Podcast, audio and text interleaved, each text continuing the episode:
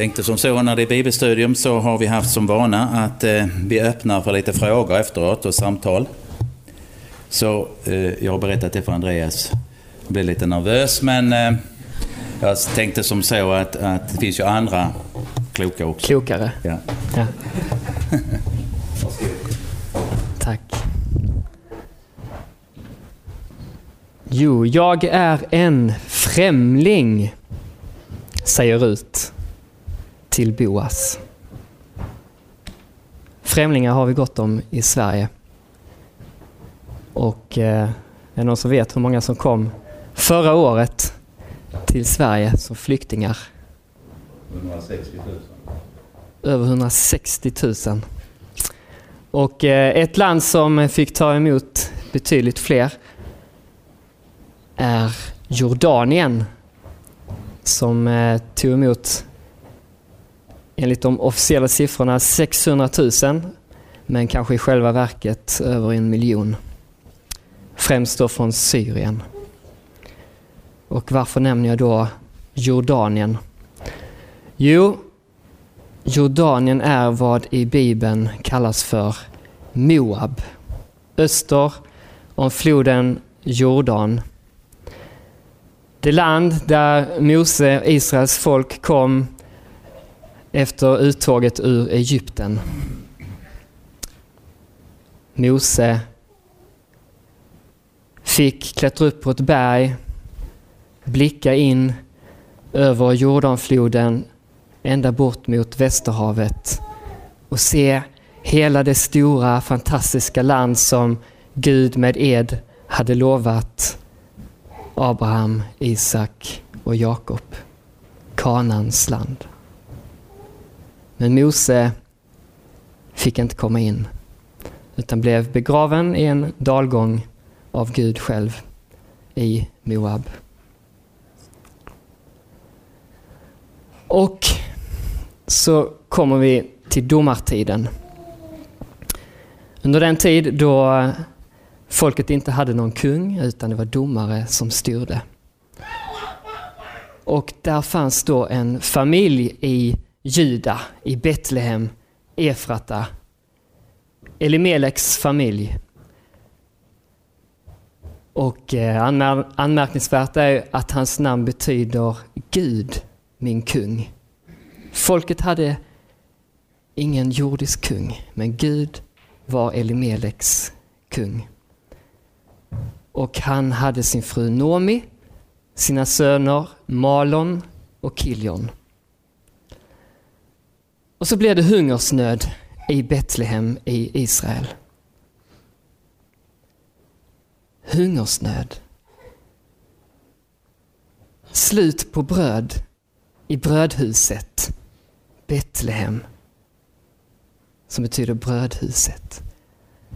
Inga fruktbara jordar i Efrata som betyder fruktbarhet.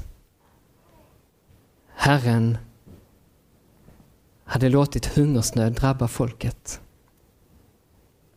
Och då beslutar sig Elimelek att dra österut.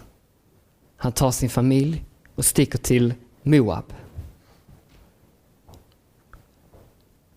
Och vi ser hur Ruts bok i Bibeln är historiskt förankrad.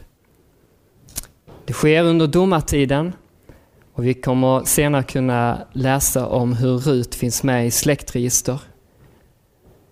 Det är historiskt och även geografiskt. Vi kan se och sätta orterna, platserna på kartan.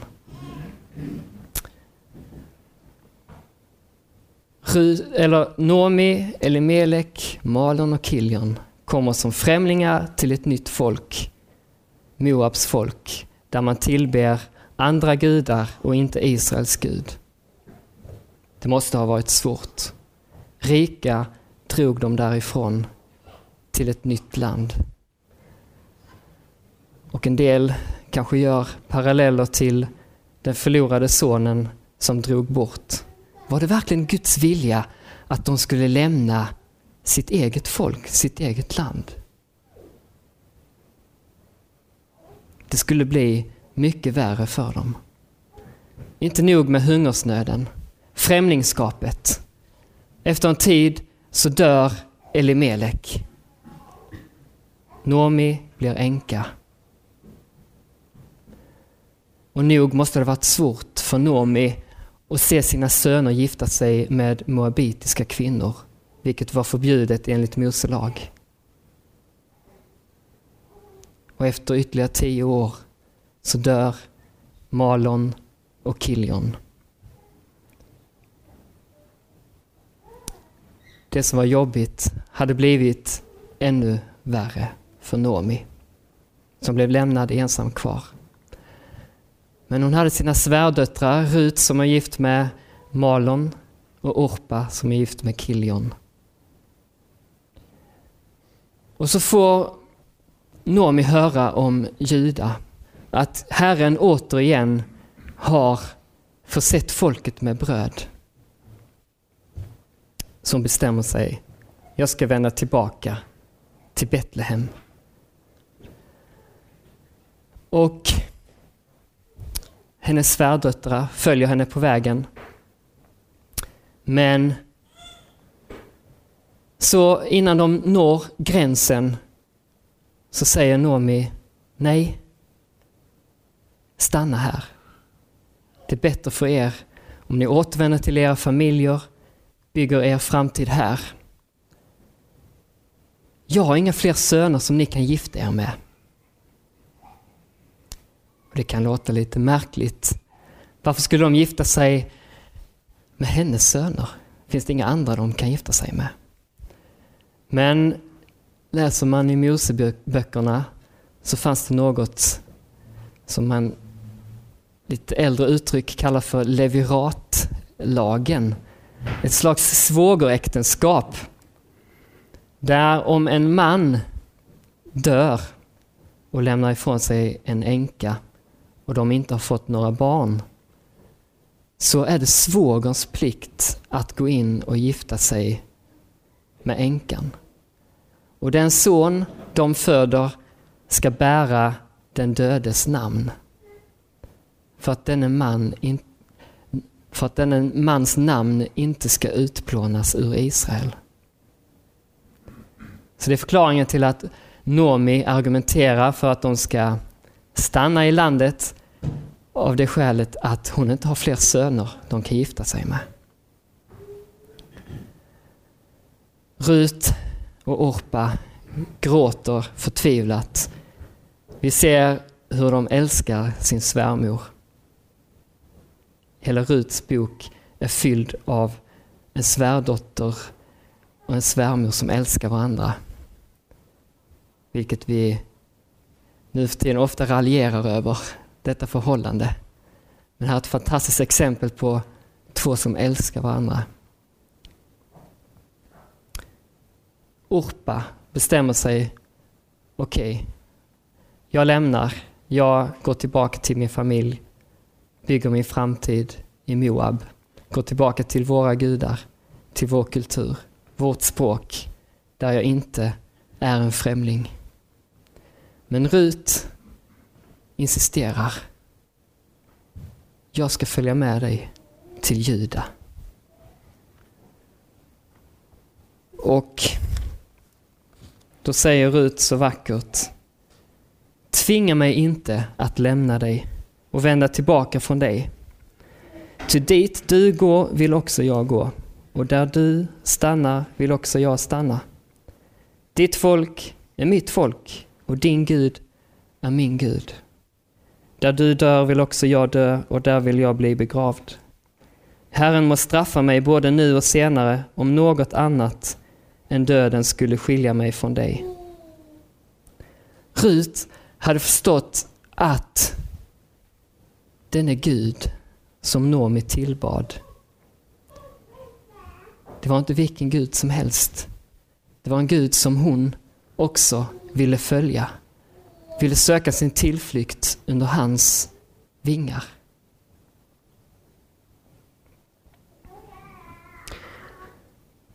Så Rut får följa med Nomi. Och när de kommer till Betlehem så möts de av kvinnorna i stan som säger Nej men, är det inte Noomi som kommer tillbaka? Nej, kalla inte mig Noomi. Kalla mig istället för Mara. Efter allt vad Herren har låtit ske med mig.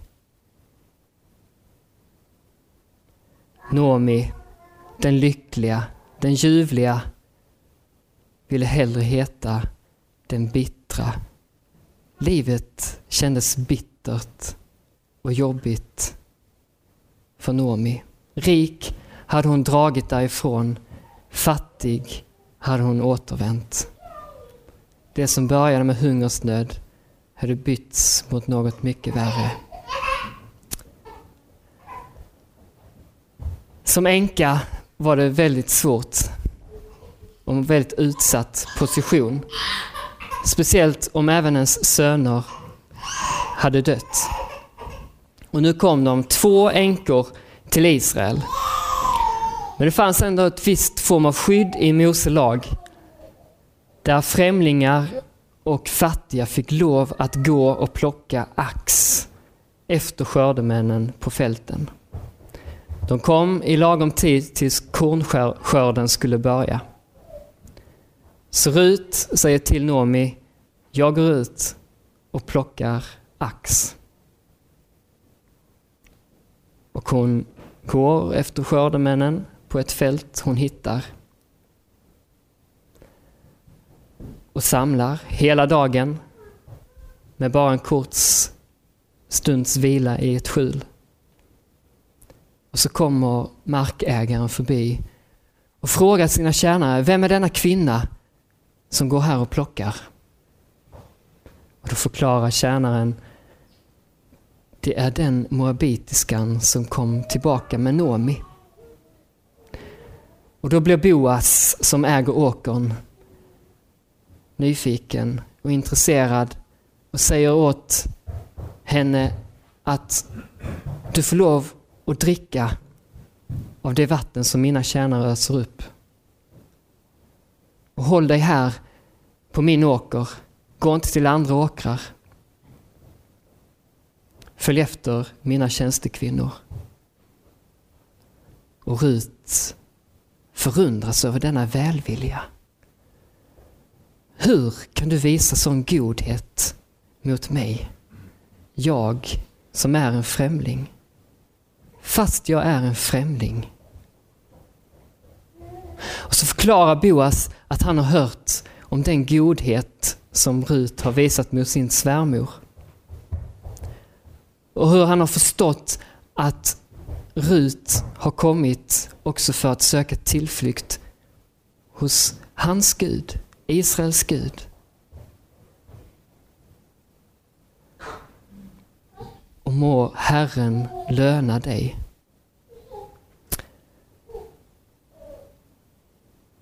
Och eh, Rut får ännu fler privilegier. Boas säger åt sina tjänare att eh, ta väl hand om henne.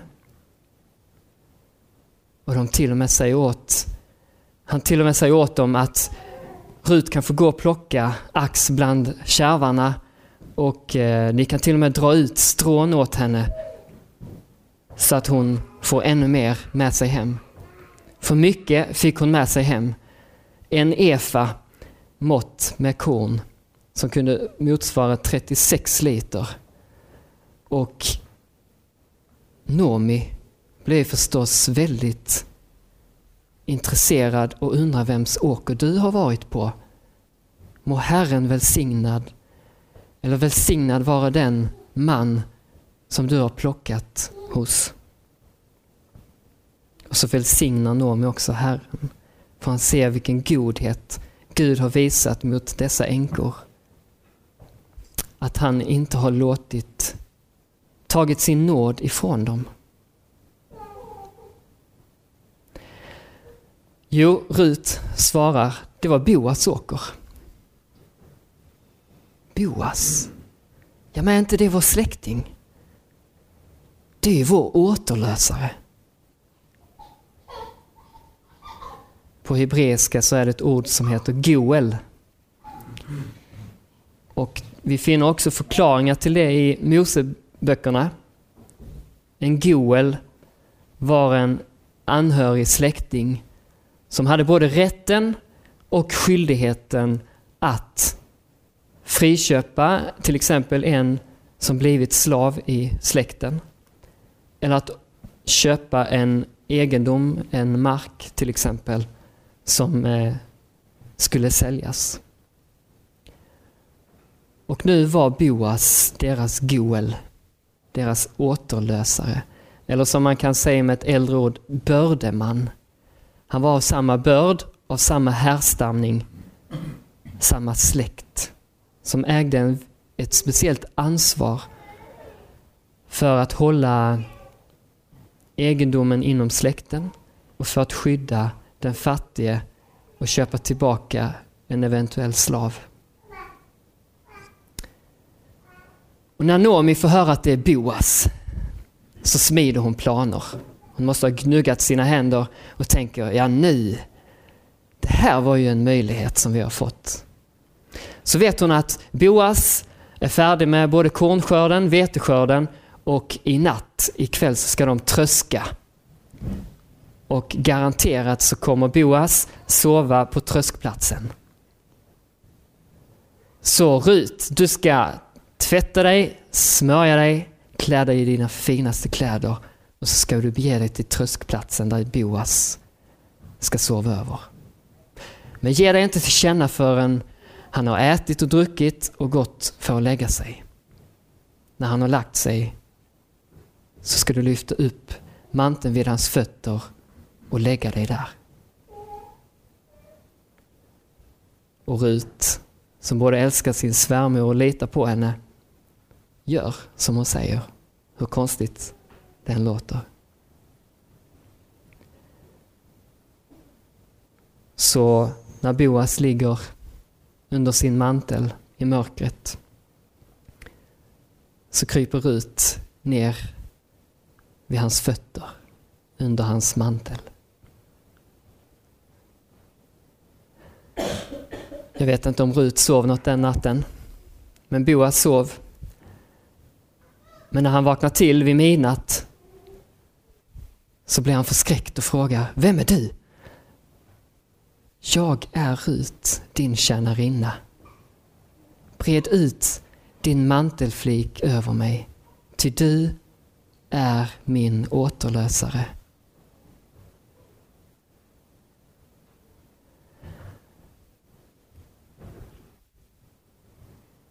Mantel. Visste ni att samma ord kan översättas till vinge? Bred ut dina vingar över mig. Ser du Jesus när han står på tempelplatsen och säger till invånarna Jerusalem, Jerusalem, hur ofta har jag inte velat samla dina barn som, som höna samlar kycklingarna under sina vingar, men ni ville inte.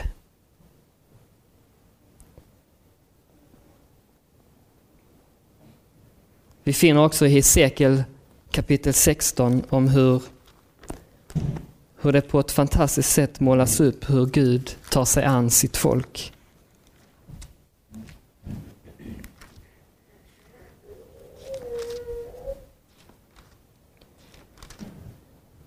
Jag gick förbi där du låg och såg på Jag gick förbi där du låg och såg på dig. Och se, din älskogstid var inne. Jag bredde min mantel över dig och täckte över din nakenhet. Jag gav dig mitt trohetslöfte och ingick förbund med dig, säger Herren, Herren, och du blev min.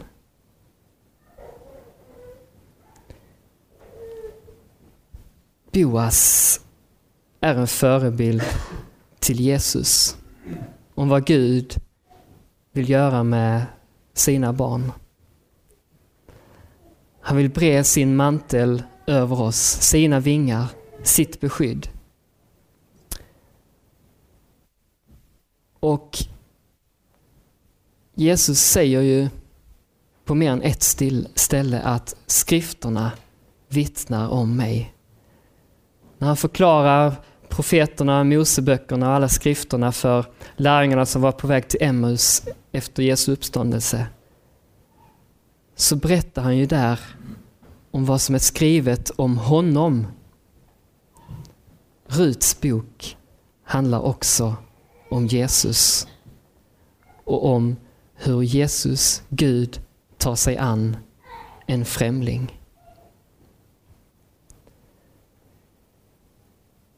Bred din mantelflik över mig, ty du är min återlösare. Och så, så kommer, eh, nu ska se,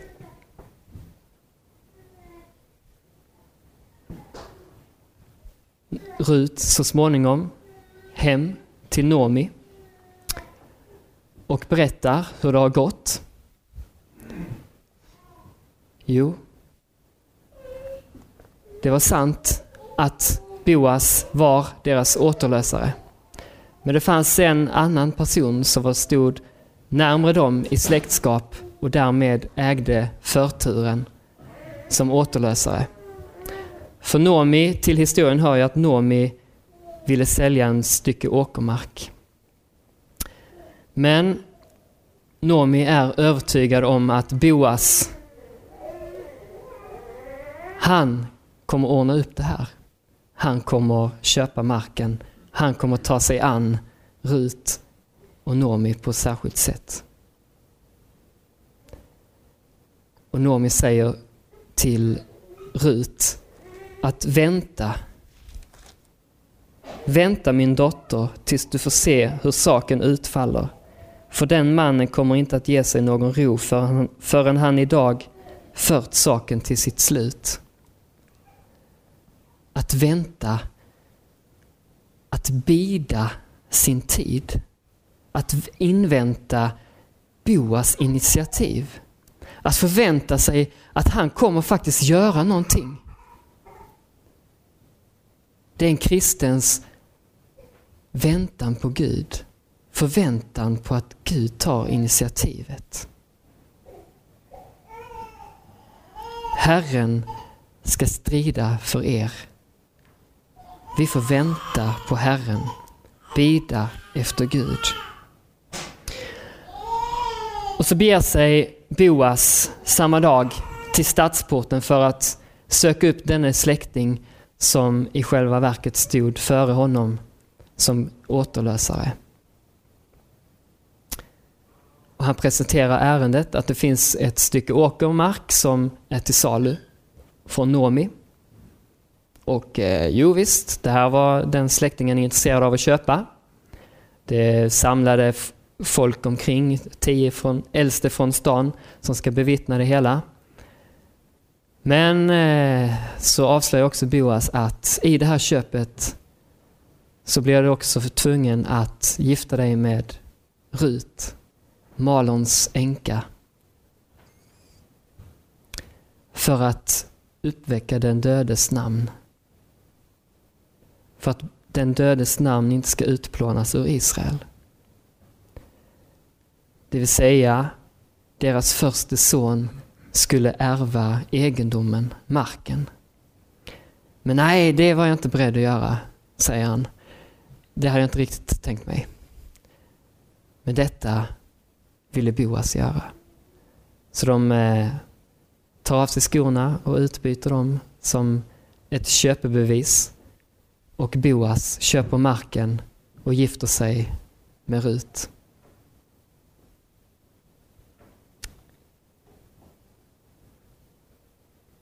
Och vi förstår senare att Boas, en avkomling till Rahab, skökan från Kanans land, fiendefolket, gifter sig med Rut, hedningen från Moab.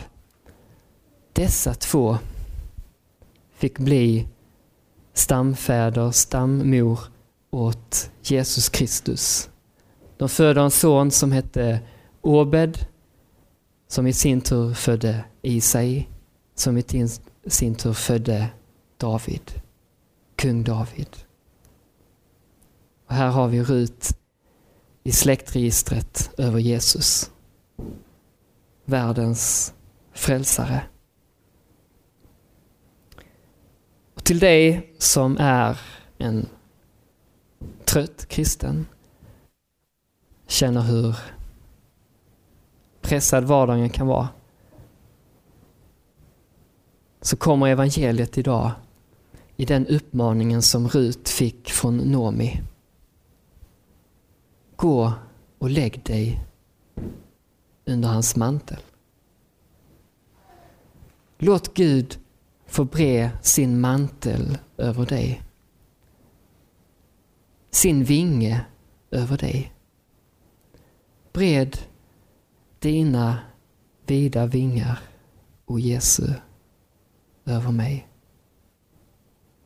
Och så bida, invänta Gud, hans initiativ. För han kommer inte ge sig någon ro förrän han har fört saken till sin rätt, liksom Boas gjorde i stadsporten. Den kvinna som lämnade Betlehem rik, kom tomhänt tillbaka, kände att livet var bittert. Hon får erfara hur Gud leder allt till det bästa. Att för den som älskar Gud samverkar allt till det bästa. Låt oss tacka. Tack Gud, vår Fader, för ditt ord, för din undervisning. Lovad vare du som har skapat oss. Lovad vare du Jesus Kristus som har frälst oss, köpt oss, återlöst oss. Lovad vare du helige Ande som vill göra allting detta levande för oss. I Jesu namn. Amen.